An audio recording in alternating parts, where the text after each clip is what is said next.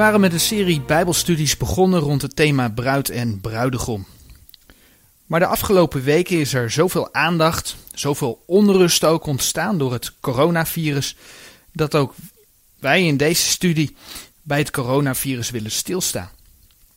En dan pakken we de volgende keer, zo de Heer ons de tijd geeft, de onderwerpen rond het thema bruid en bruidegom weer op.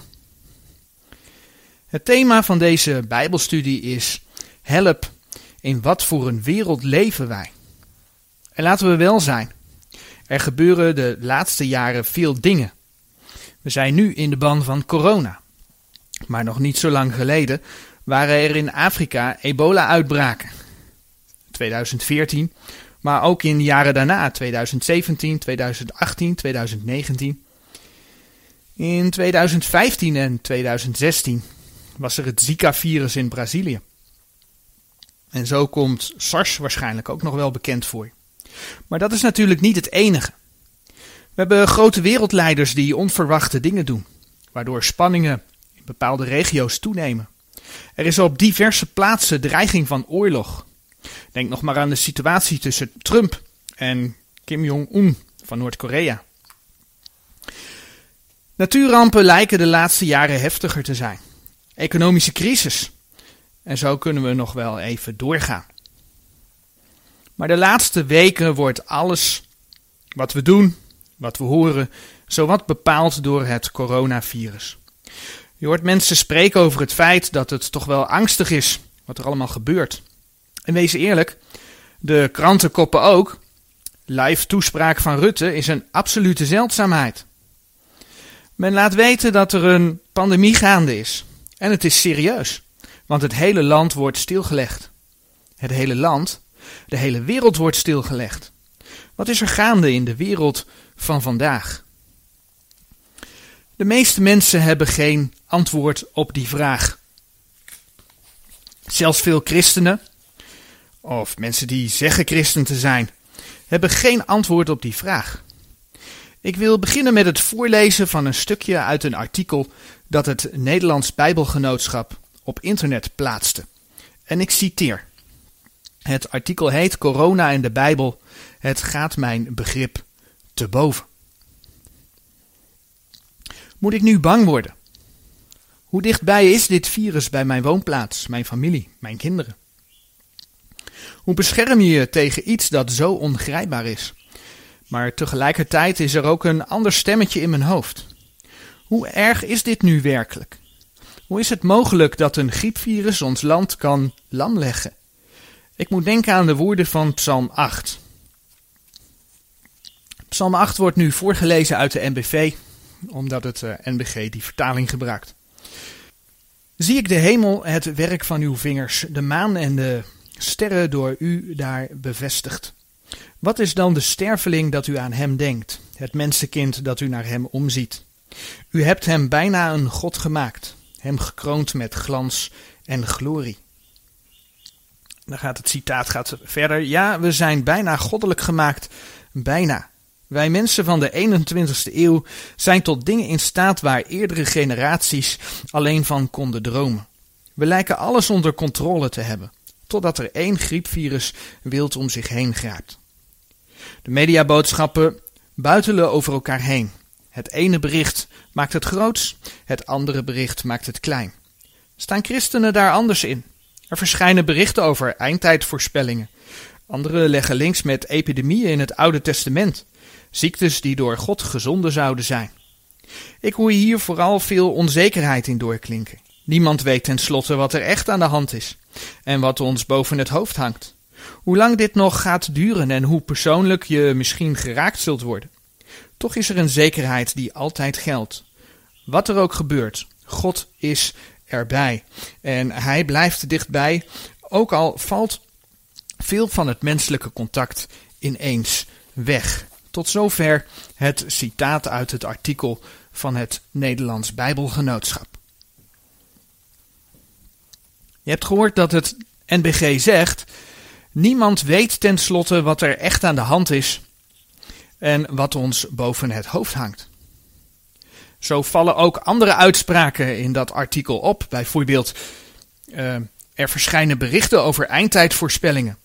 Anderen leggen links met epidemieën in het Oude Testament, ziektes die door God gezonden zouden zijn. En dan gaat het natuurlijk met name om dat gedeelte waar staat ziektes die door God gezonden zouden zijn. Het woordje zouden impliceert dat men dat zelf niet gelooft. In eerdere studies hebben we aangetoond dat het Nederlands Bijbelgenootschap ook niet gelooft dat de Heer Jezus God is. Ook gelooft het NBG niet dat de Heer Jezus letterlijk uit de dood is opgestaan.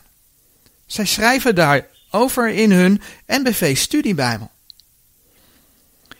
We hebben gezien hoe de schriftkritiek ertoe heeft geleid dat de nieuwe vertalingen van de Bijbel vanaf circa 1880 na Christus in feite geen Bijbels meer zijn.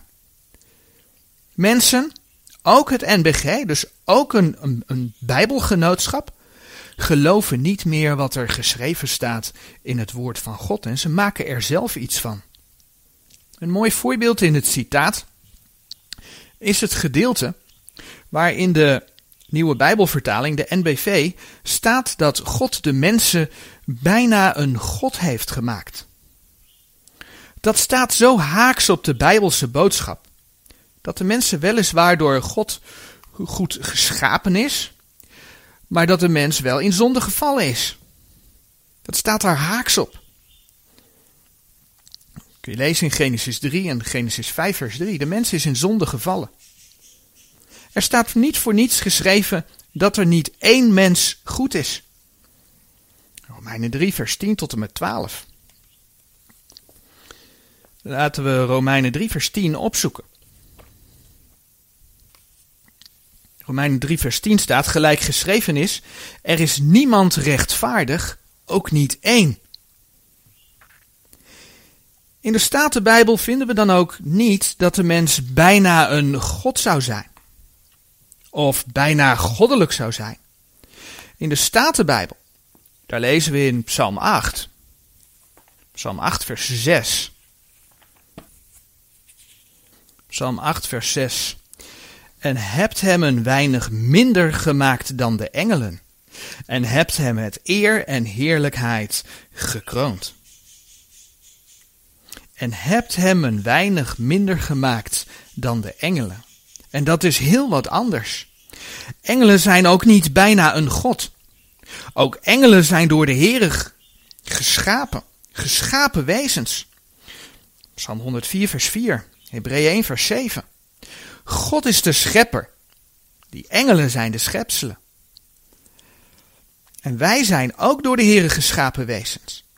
Hij is de schepper. Wij zijn de schepselen. En wij zijn dus minder dan de engelen gemaakt. Hoezo zouden wij bijna een God zijn? Overigens, uit de context van deze psalm blijkt dat het profetisch over de Heer Jezus gaat. Kijk maar in Psalm 8, vers 7 en vergelijk dat maar met 1 Korinthe 15, vers 17. Hoe godslastelijk is het dat men de Heer Jezus afzwakt tot bijna goddelijk? Hij was God. In Johannes 1, vers 1 tot en met 3, daar kun je lezen dat hij God was. En als God is hij voor de mensen naar de aarde gekomen. Is hij mens geworden. Net als ons is hij minder dan de engelen geworden om voor de zonde van ons mensen te sterven. Zodat er vergeving is. Zodat mensen zich met God kunnen verzoenen.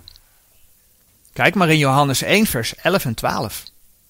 En zo mogen we zien hoe de nieuwe vertalingen door ongeloof niet kloppen.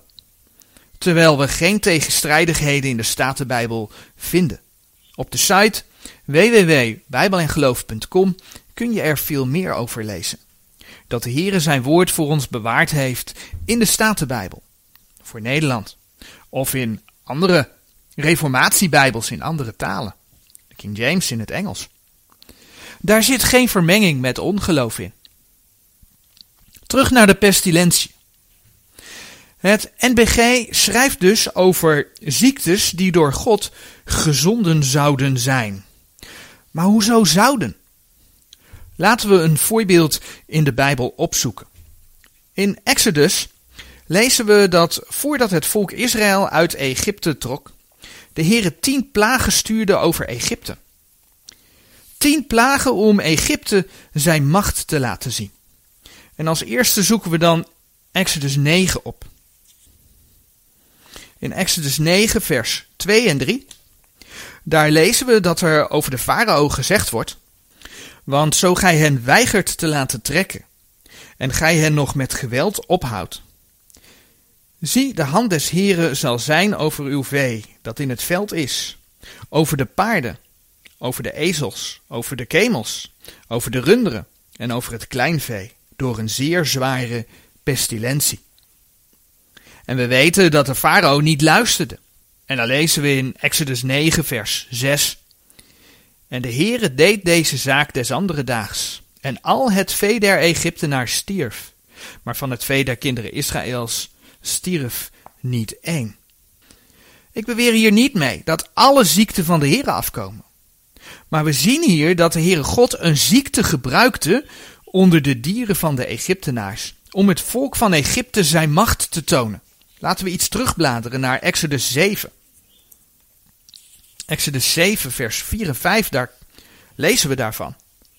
Exodus 7, vers 4. Farao nu zal naar uw lieden niet horen, en ik zal mijn hand aan Egypte leggen, en voeren mijn heren, mijn volk, de kinderen Israëls uit Egypteland door grote gerichten. Dan zullen de Egyptenaars weten dat ik de Heere ben, wanneer ik mijn hand over Egypte uitstrek en de kinderen Israëls uit het midden van hen uitleidt. En dat komen we ook op andere plekken in de Bijbel tegen. Zo zou je kunnen kijken in Deuteronomium, hoofdstuk 28, vers 21 en 22. Vaak zien we dat de Heere op ongeloof een oordeel stuurt. Maar dat doet hij niet zomaar. Mensen krijgen de kans om hem te leren kennen, om zijn verlossing aan te nemen. Dat was met Egypte zo. Dat was met Israël zo. Dat kunnen we in de Bijbel lezen. En dat is nu net zo. Verderop in deze studie zullen we daar nog een voorbeeld van zien. Maar voor nu gaat het erom dat het NBG spreekt over zouden. Daar spreekt een vraagteken uit. Daar spreekt twijfel uit, zo van men zegt het wel, maar het hoeft niet zo te zijn. Maar dat is de tactiek die de vijand van God al vanaf de schepping hanteert. Het plaatsen van vraagtekens bij het woord van God. Zo kun je in Genesis 3, vers 1 lezen dat de duivel tegen Eva zegt: Is het ook dat God gezegd heeft? Dus hij plaatst vraagtekens bij Gods woord.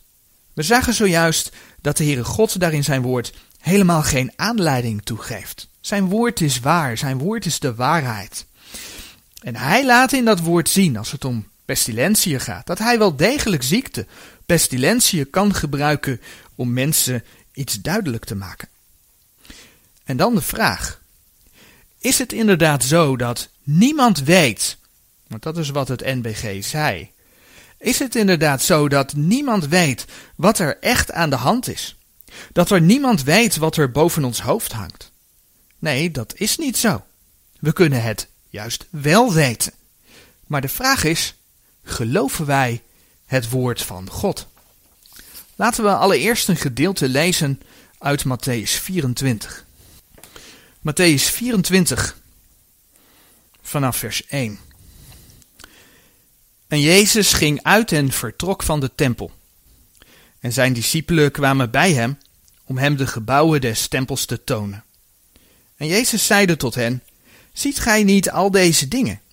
Voorwaar zeg ik u: hier zal niet één steen op de andere steen gelaten worden, die niet afgebroken zal worden. En als hij op de olijfberg gezeten was, gingen de discipelen tot hem alleen, zeggende: Zeg ons, wanneer zullen deze dingen zijn? En welk zal het teken zijn van uw toekomst en van de voleinding der wereld? En Jezus antwoordende zeide tot hen: Zie toe, dat niemand u verleide. Want velen zullen komen onder mijn naam, zeggende: Ik ben de Christus. En zij zullen velen verleiden. En gij zult horen van oorlogen en geruchten van oorlogen. Zie toe, word niet verschrikt, want al die dingen moeten geschieden, maar nog is het einde niet. Want het ene volk zal tegen het andere volk opstaan, en het ene koninkrijk tegen het andere koninkrijk. En er zullen zijn hongersnoden en pestilentiën en aardbevingen in verscheidene plaatsen. Doch al die dingen zijn maar een beginsel der smarten. Als dan zullen zij u overleveren in verdrukking en zullen u doden, en gij zult gehaat worden van alle volken om mijns naams wil. En dan zullen er velen geërgerd worden, en zullen elkander overleveren en elkander haten. En vele valse profeten zullen opstaan en zullen er vele verleiden. En omdat de ongerechtigheid vermenigvuldigd zal worden, zo zal de liefde van velen verkouden. Maar wie volharden zal tot het einde, die zal zalig worden. En dit evangelie des koninkrijks zal in de gehele wereld gepredikt worden, tot een getuigenis alle volken. En dan zal het einde komen. Wanneer gij dan zult zien de gruwel der verwoesting, waarvan gesproken is door Daniel de profeet, staande in de heilige plaats, die het leest, die merken daarop. Dat als dan die in Judea zijn, vlieden op de bergen, die op het dak is, komen niet af, om iets uit zijn huis weg te nemen. En die op de akker is, keren niet weder terug, om zijn klederen weg te nemen. Maar weder bevruchten, en de zogende vrouwen in die dagen. Doch bid dat uw vlucht niet geschiede des winters, noch op de Sabbat. Want als dan zal grote verdrukking wezen, hoedanige niet is geweest van het begin der wereld tot nu toe, en ook niet zijn zal. En zo die dagen niet verkort werden, geen vlees zou behouden worden. Maar om der uitverkorene wil, zullen die dagen verkort worden. Als dan zo iemand tot uw lieden zal zeggen, zie, hier is de Christus, Christus, of daar, gelooft het niet. Want er zullen valse Christussen en valse profeten opstaan, en zullen grote tekenen en wonderheden doen. Alzo dat zij, indien het mogelijk ware, ook de uitverkorenen zouden verleiden. Zie, ik heb het u voorzegd. Zo zij dan tot u zullen zeggen, zie hij is in de woestijn, gaat niet uit. Zie hij is in de binnenkamers, gelooft het niet. Want gelijk de bliksem uitgaat van het oosten en schijnt tot het westen, alzo zal de toekomst van de zoon des mensen wezen.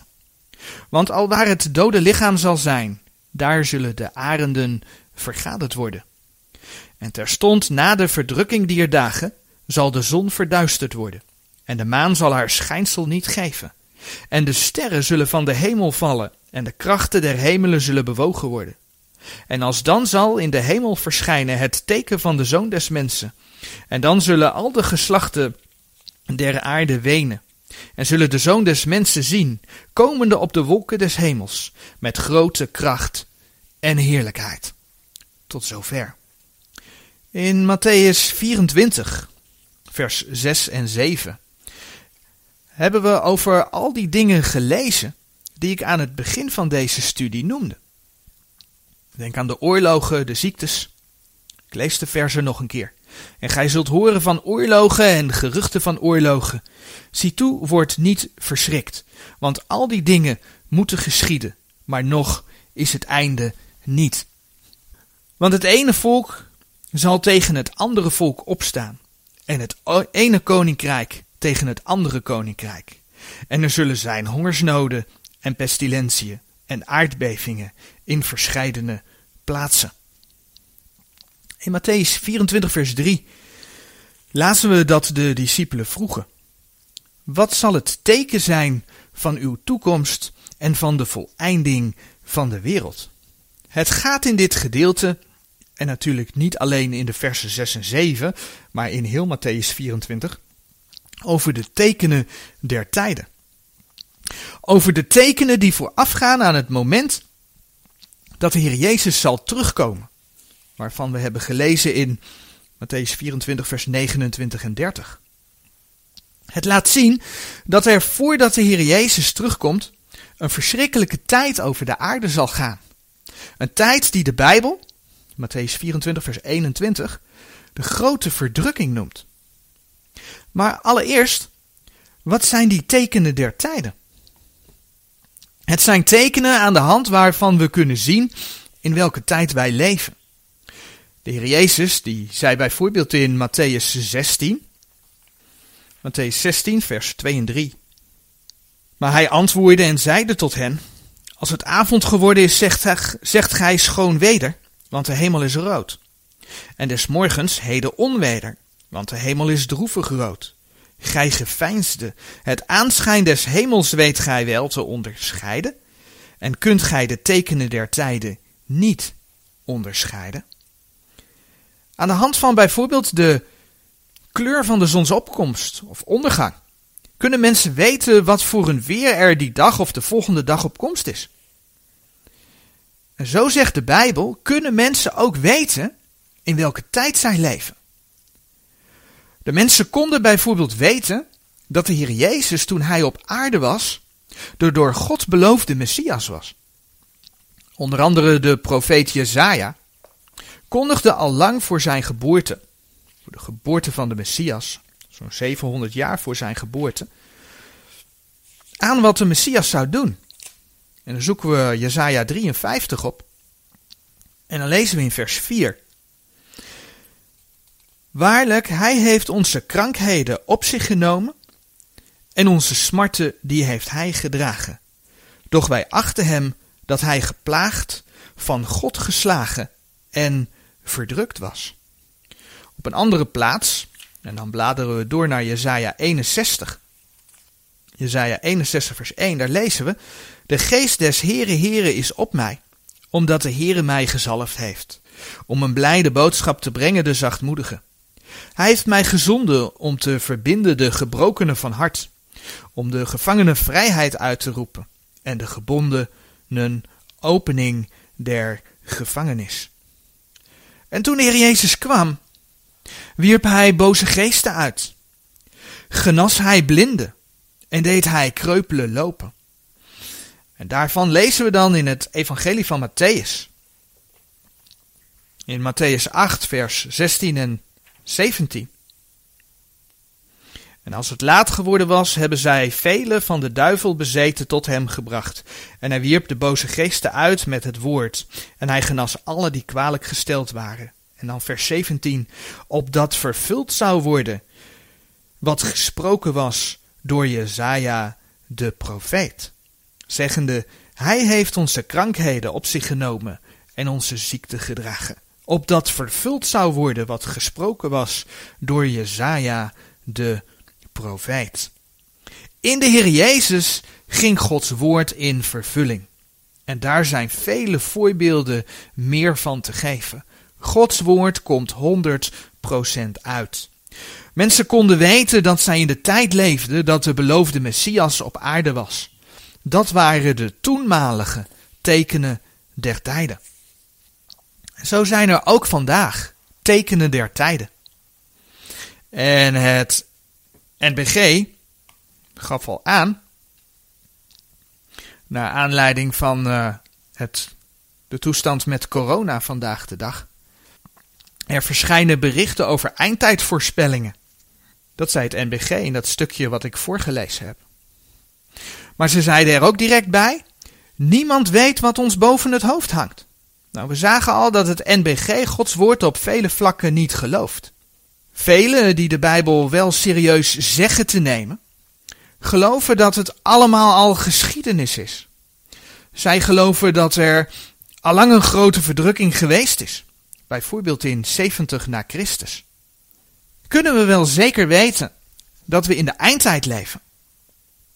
Zijn de tekenen van Matthäus 24 bijvoorbeeld wel op ons van toepassing? Nog niet zo lang geleden hebben we stilgestaan bij het feit dat de Heer Jezus niet in 70 na Christus is teruggekomen. En op de site www.bijbelengeloof.com staat daar een studie over. Dat, dat heet de opname een mythe. Dus wil je daar meer over lezen, dan kun je daar kijken. Er zijn dus mensen die zeggen dat de opname een mythe is, omdat de Heer Jezus in 70 na Christus teruggekomen zou zijn. Maar dat klopt niet. De opname is geen mythe. De opname is nog toekomst. Maar in dat artikel kun je daar meer over lezen. Maar een klein voorbeeld aan de hand van Matthäus 24. Namelijk vers 21. waar geschreven staat. Want als dan zal grote verdrukking wezen, wezen hoedanige niet is geweest van het begin der wereld tot nu toe, en ook niet zijn zal. De grote verdrukking zal dus zo erg zijn dat het vanaf de schepping niet is voorgekomen. En daarna ook niet meer zal voorkomen. Als we over 70 na Christus spreken, dan hebben we het over de verwoesting van Jeruzalem en de tempel. En daar zijn vreselijke dingen gebeurd. Dat is één ding wat zeker is. Maar was die verwoesting van deze ene stad erger dan bijvoorbeeld de zondvloed, waarin de hele wereld verging? En er slechts acht mensen behouden werden: Noach en zijn gezin. Ik denk het eigenlijk niet. Was de verwoesting van Jeruzalem erger dan wat er bij de kruistochten gebeurd is? Of was de verwoesting van Jeruzalem erger dan de Tweede Wereldoorlog? Of de atoombom op Japan? Ik denk het eigenlijk niet. Alleen dit voorbeeld maakt al duidelijk dat Matthäus 24 niet over de geschiedenis gaat.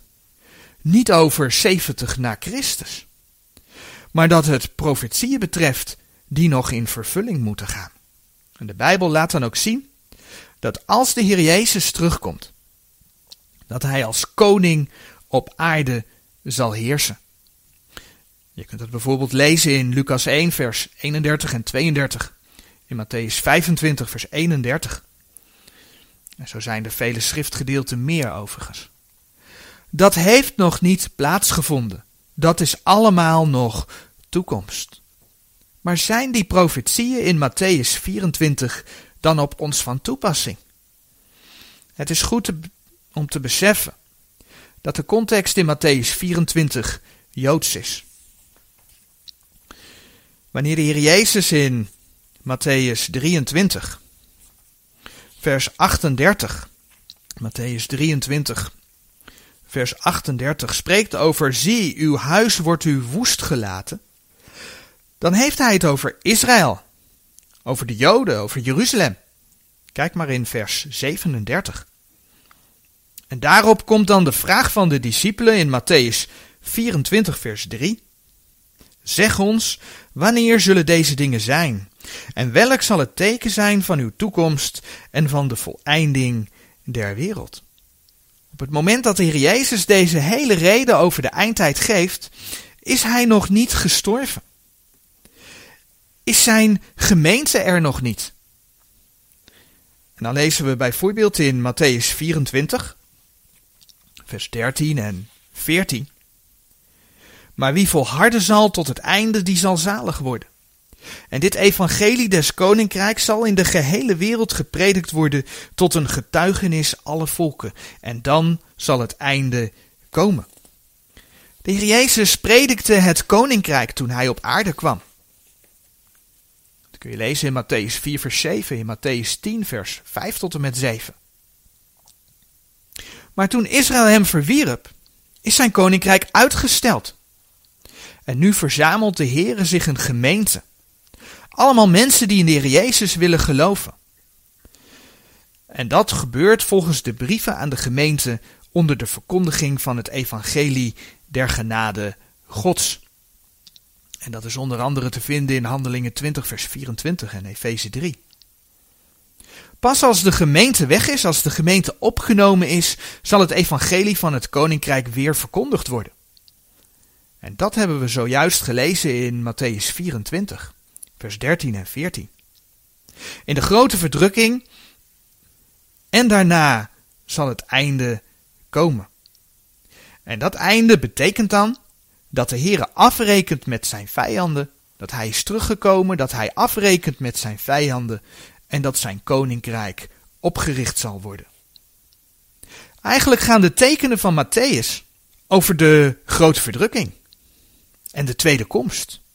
Die tekenen kondigen namelijk de tweede komst van de Heer Jezus aan.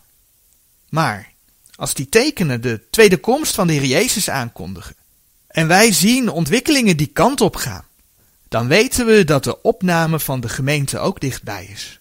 Want de opname van de gemeente zal voor de grote verdrukking plaatsvinden. Die grote verdrukking zal zeven jaar duren, dus die opname van de gemeente zal minimaal zeven jaar eerder zijn. Maar hoe weten we nu dat hetgeen in Matthäus 24 beschreven staat, zich vandaag de dag aan het aankondigen is? Waarom is onze verwachting zo sterk dat het niet lang meer kan duren voordat de Heer Jezus ons komt halen? Een teken van de tijd die ook in Matthäus 24 beschreven staat, alleen die we in deze studie nog niet gelezen hebben. Betreft de profetie over de vijgenboom. In de Bijbel staat de vijgenboom voor het volk Israël. Dat is niet iets wat we in de Bijbeltekst leggen. Maar dat zegt de Bijbel gewoon letterlijk. Daar kun je door schrift met schrift vergelijken achterkomen. En Matthäus 24, vers 32 tot en met 34 geeft zicht op het feit dat zodra de verdorde en omgehakte vijgenboom Israël weer begint uit te lopen, dat die generatie alles zal meemaken wat de Heer over zijn tweede komst zegt.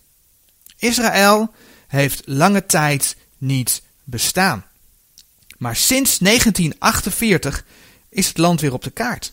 En dat betekent dat de generatie die dat heeft meegemaakt, en dat betreft dan een periode van ongeveer 100 jaar, alles zal meemaken wat met de wederkomst van de Heer Jezus te maken heeft. En natuurlijk de daaraan voorafgaande grote verdrukking. En zo zijn er meer bijbelse bewijzen dat we in de eindtijd leven.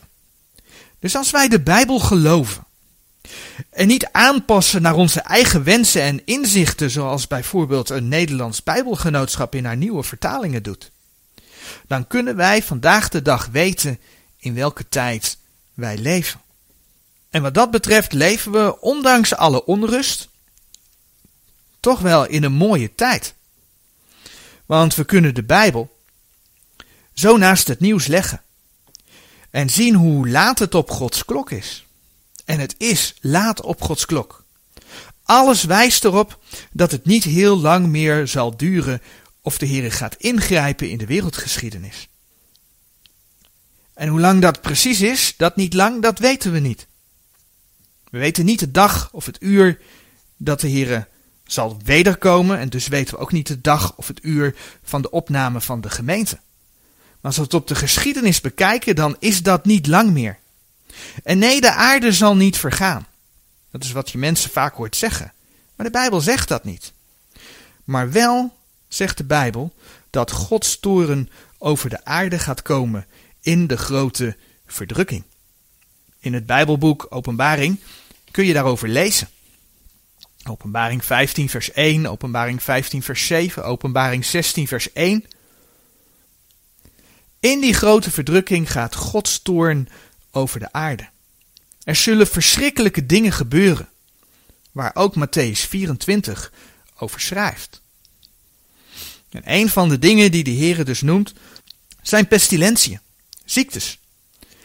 En we zien de laatste jaren steeds nieuwe ziektes de kop opsteken. Maar zijn die ziektes dan een vervulling van deze profetie?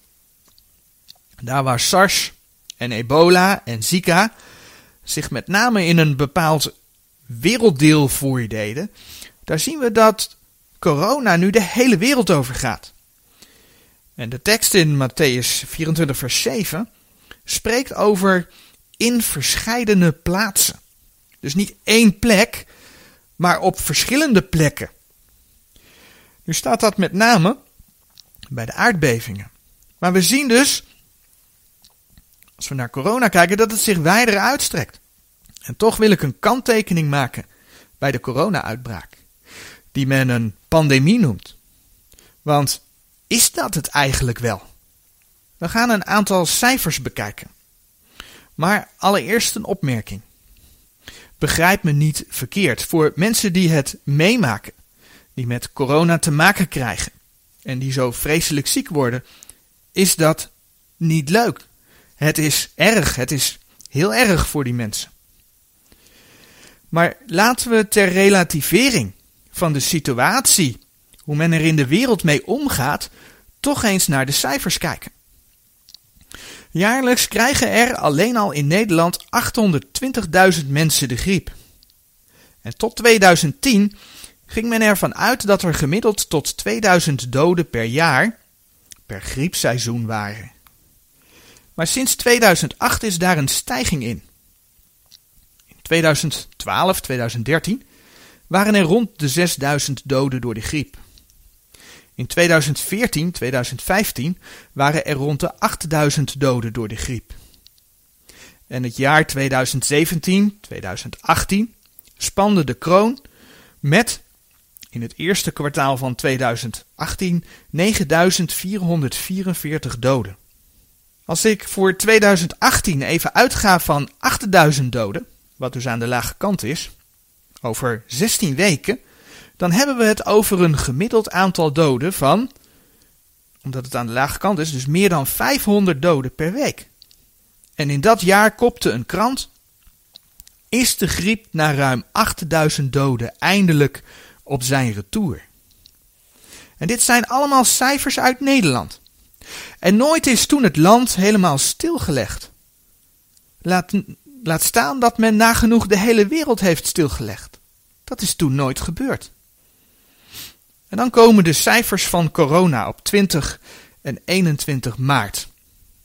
En dan besef ik, met dat ik dit nu zeg, dat het corona-seizoen, om het maar even zo te zeggen, nog niet voorbij is. Maar toch. Op 20 maart waren er in Nederland 106 doden. En het hele land zit op slot. Niet alleen het hele land, maar praktisch de hele wereld. Wereldwijd staat het aantal besmettingen op 21 maart op 175.792.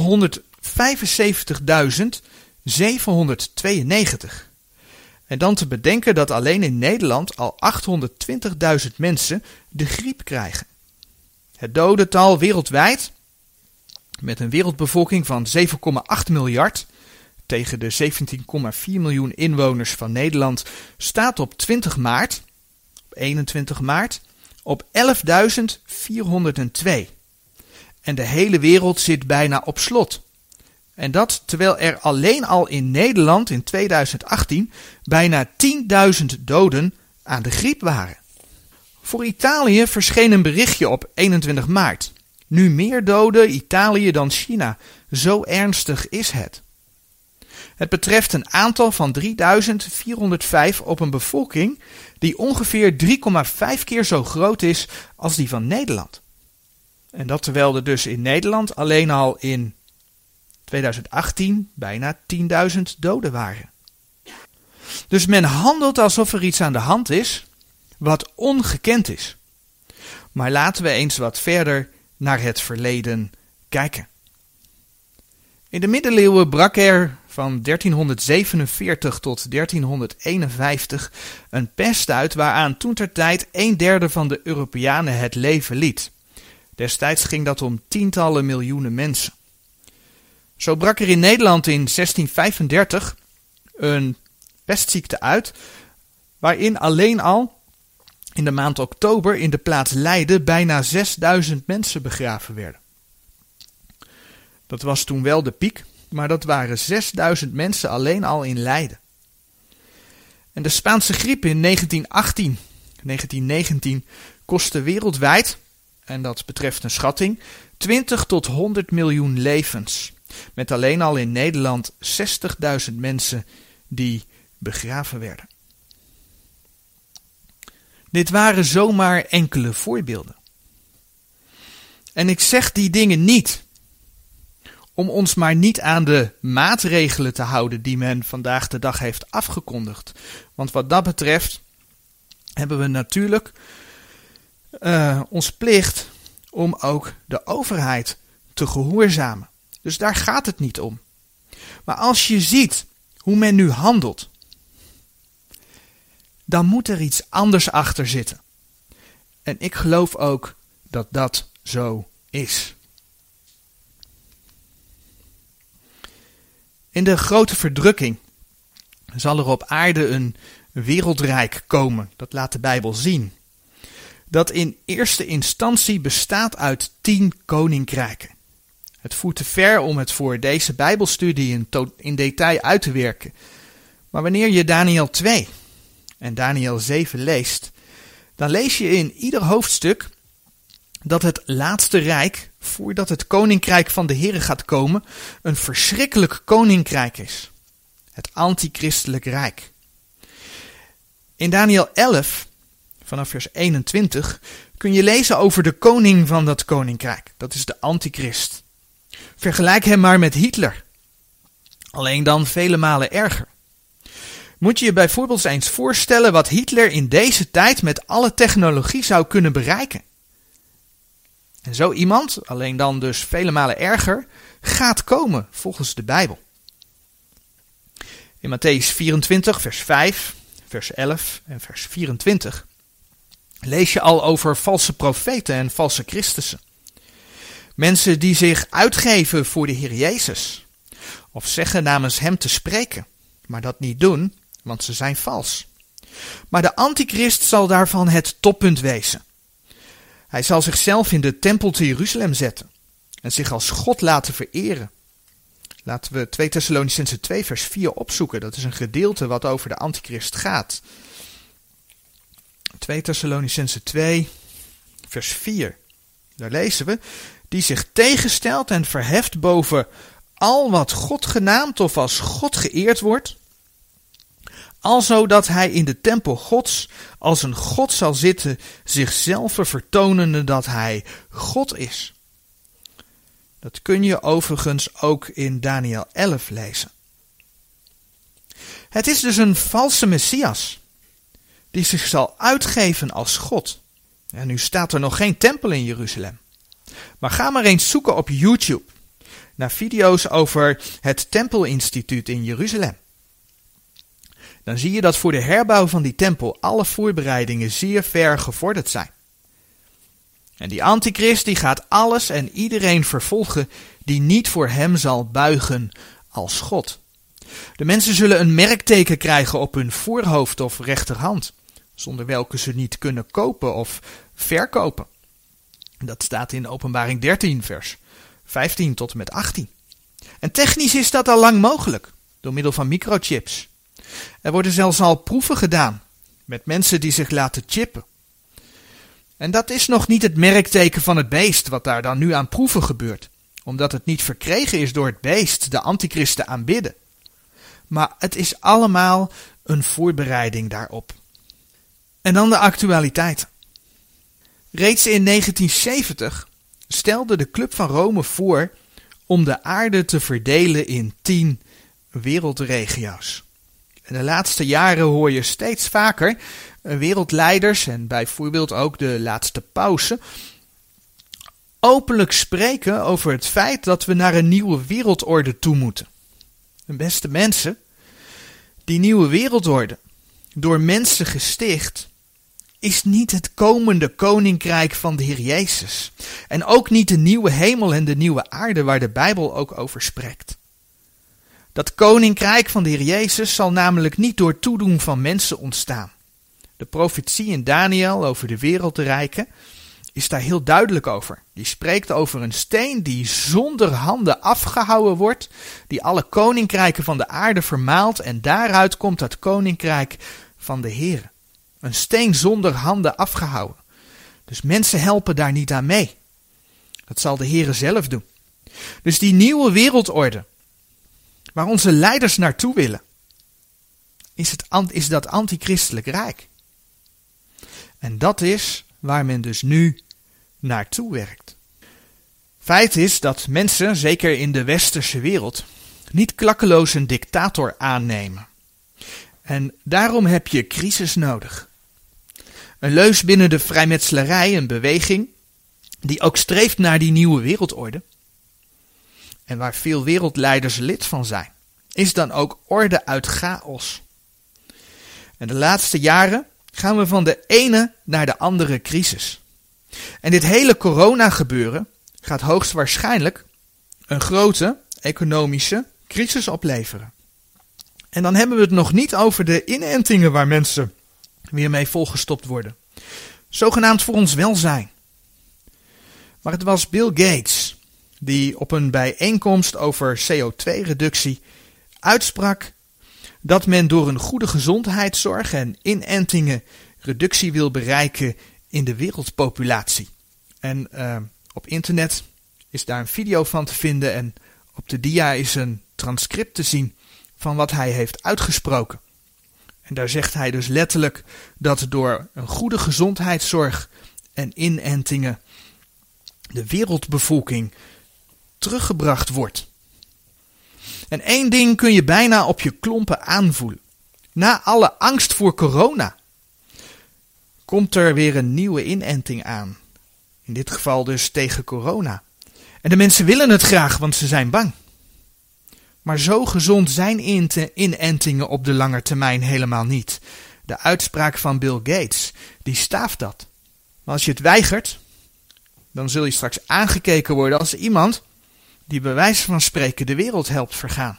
En zo worden mensen in deze moderne wereld bewerkt. Het is dus de vraag of corona een van de pestilentiën is die beschreven wordt in Matthäus 24. Wat we natuurlijk op dit moment niet weten is hoe het verder zal gaan. Natuurlijk kan het zich verder daadwerkelijk als pestilentie ontwikkelen. Maar al met al draagt corona als pestilentie of als crisisveroorzaker bij aan het hele eindtijdscenario dat de Bijbel beschrijft. Dat is de wereld waarin wij leven. Nu zijn er heel veel mensen die vandaag de dag oproepen om tot God te bidden. Dat het snel over mag gaan. Het NBG stelde, uit het citaat van het begin van de studie, God is erbij. Punt is dat de Heere God dit toelaat op de aarde. Punt is dat hij het geprofiteerd heeft dat dit soort dingen zullen gaan gebeuren. Met andere woorden, als we die dingen zien gebeuren, dan weten we dat het er niet makkelijker op zal worden in deze wereld. Gods oordeel, Gods toren komt over de aarde omdat mensen zijn zoon verworpen hebben. Omdat mensen niet in hem willen geloven. Johannes 3, vers 36 zegt: Die in de zoon gelooft, die heeft het eeuwige leven. Maar die de zoon ongehoorzaam is, die zal het leven niet zien, maar de toren Gods blijft op hem. Gods toren komt over deze aarde omdat mensen zijn woord niet willen geloven. Omdat mensen zijn woord aanpassen, omdat het ze dan beter ligt. In Johannes 12, vers 48 staat geschreven: Die mij verwerpt en mijn woorden niet ontvangt, heeft die hem oordeelt. Het woord dat ik gesproken heb, dat zal hem oordelen ten laatste dagen. En je zou daar ook Openbaring 22, vers 18 en 19 bij op kunnen zoeken. Ja, de Heere zal de zijne beschermen. Hij zal ze nabij zijn. Maar of dat betekent dat we er altijd zonder kleerscheuren afkomen, dat is niet reëel. Om dat aan te nemen. Denk aan al die mensen die hun leven gegeven hebben in de Roomse middeleeuwen, omdat ze zich vasthielden aan Gods woord. Denk aan al die mensen die bezig zijn geweest om ons een betrouwbare Bijbel over te leveren. Velen zijn vervolgd en gedood door de Inquisitie. Denk aan al die mensen die vandaag de dag in landen leven waar ze geen Bijbel mogen hebben. En waar ze vervolgd worden en soms zelfs gedood worden. Veel getuigenissen spreken over kracht en sterkte die de Heere gaf, juist in dat soort situaties. Als gelovigen in de Heer Jezus, in deze tijd, ligt onze troost bij het feit dat we mogen uitzien naar Zijn komst voor ons. Daar waar de grote verdrukking in openbaring op diverse plekken beschreven wordt als Gods toren die over de aarde gaat. De teksten eerder aangehaald, maar dat gaat onder andere om openbaring 15 vers 1 en 7 en openbaring 16 vers 1. Daar staat voor de gemeente geschreven dat zij niet is gesteld tot toren. En dat kun je bijvoorbeeld vinden in 1 Thessalonicense 1 vers 9 en 10 en 1 Thessalonicense 5 vers 9. En zo staat er in 1 Thessalonicense 5 vers 9 geschreven. Want God heeft ons niet gesteld tot toorn, maar tot verkrijging der zaligheid door onze Heer Jezus Christus. En daarom zal de Heere net zoals hij Noach redde van de zondvloed, ook zijn kinderen thuis halen. En daarom lezen we dan ook in de brieven aan de gemeente dat we opgenomen zullen worden. En in 1 Thessalonicense 4, 1 Thessalonicense 4, vers 16 en 17, daar lezen we. Want de Heere zelf zal met een geroep, met de stem des archangels en met de bazuin Gods nederdalen van de hemel. En die in Christus gestorven zijn, zullen eerst opstaan. Daarna wij, die levend overgebleven zijn, zullen tezamen met hen opgenomen worden in de wolken, de Heere tegemoet, in de lucht. En alzo zullen wij altijd met de Heere wezen. Wij mogen uitzien naar onze Heere. En dat is hetgeen waar wij ons mee mogen vertroosten. Vult 1 Thessalonicense 4 vers 18 nog aan. Dat vers dat zegt, zo dan vertroost elkander met deze woorden. Ja, mocht er iemand meeluisteren die de Heer Jezus nog niet kent. Je hebt kunnen horen hoe Gods woord laat zien dat het de waarheid is.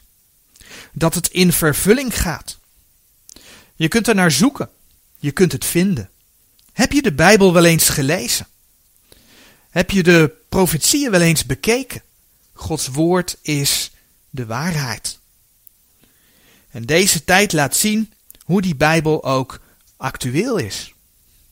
En opnieuw in vervulling gaat. Gods woord laat zien dat de Heer Jezus ook voor jouw zonde gestorven is. Aan het kruis van Golgotha. Hij is ook voor jou begraven. En na drie dagen en drie nachten weer opgestaan uit de dood. Dat is het evangelie voor deze tijd. Kun je onder andere lezen in 1 Korinthe 15 vers 1 tot en met 4. Hij wil ook jou het eeuwige leven geven.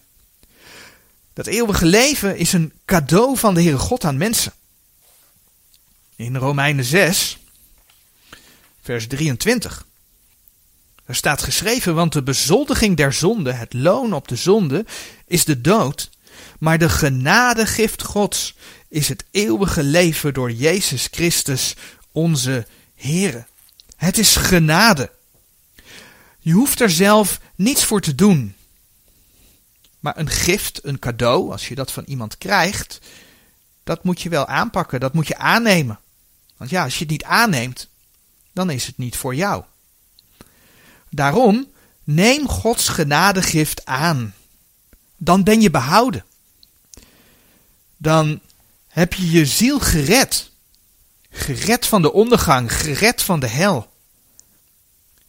De Heere heeft op dit moment nog steeds niet ingegrepen in de geschiedenis. Hij wacht op dit moment nog steeds, omdat hij wil dat zoveel mogelijk mensen de kans krijgen om hem aan te nemen. In 2 Petrus 3 vers 9 staat geschreven: De Heere vertraagt de belofte niet, gelijk enige dat traagheid achter, maar is langmoedig over ons, niet willende dat enige verloren gaan, maar dat zij allen tot bekering komen.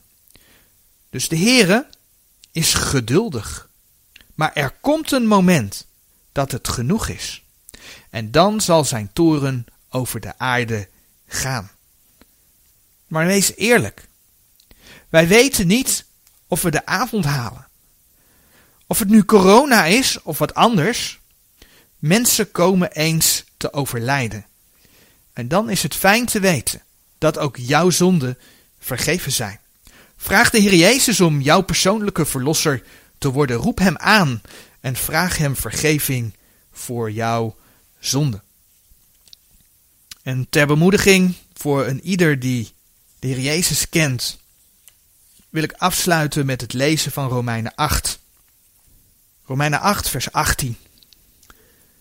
Want ik houd het daarvoor dat het lijden deze tegenwoordige tijds niet is te waarderen tegen de heerlijkheid die aan ons zal geopenbaard worden.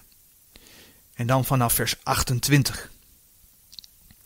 En wij weten dat degenen die God liefhebben, alle dingen medewerken ten goede. Namelijk degenen die naar zijn voornemen geroepen zijn. Want die hij tevoren gekend heeft, die heeft hij ook tevoren verordineerd de, beeld, de beelden zijn zoons gelijkvormig te zijn, opdat hij de eerstgeborene zij onder vele broederen. En die hij tevoren verordineerd heeft, deze heeft hij ook geroepen. En die hij geroepen heeft, deze heeft hij ook gerechtvaardigd. En die hij gerechtvaardigd heeft, deze heeft hij ook verheerlijkt. Wat zullen wij dan tot deze dingen zeggen? Zo God voor ons is, wie zal tegen ons zijn? Die ook zijn eigen zoon niet gespaard heeft, maar heeft hem voor ons alle overgegeven. Hoe zal hij ons ook met hem niet alle dingen schenken? Wie zal beschuldiging inbrengen tegen de uitverkorene Gods? God is het die rechtvaardig maakt. Wie is het die verdoemt? Christus is het die gestorven is. Wat meer is, die ook opgewekt is, die ook ter rechterhand Gods is, die ook voor ons bidt. Wie zal ons scheiden van de liefde van Christus? Verdrukking of benauwdheid, of vervolging of honger of naaktheid, of gevaar of zwaard? Gelijk geschreven is, want om uwentwil worden wij de ganse dag gedood. Wij zijn geacht als schapen ter slachting. Maar in dit alles zijn wij meer dan overwinnaars door Hem die ons liefgehad heeft. Want ik ben verzekerd dat nog dood, nog leven, nog engelen, nog overheden, nog machten, nog tegenwoordige, nog toekomende dingen, nog hoogte, nog diepte, nog enig ander schepsel ons zal kunnen scheiden van de liefde Gods, welke is in Christus Jezus, onze Heer. Tot zover. Zoek rust, mijn ziel, bij God alleen. Verwacht van Hem rust voor mijn ziel. U bent mijn God, ik kom tot U. belast vermoeid, vind ik rust bij u. U bent mijn rots en mijn redding, mijn burcht, ik zal nimmer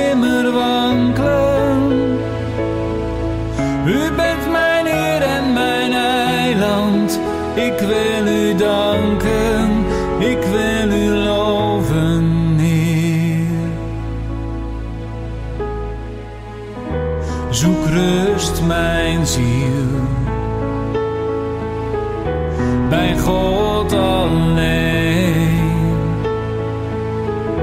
Verwacht van Hem. Rust voor mijn ziel, begin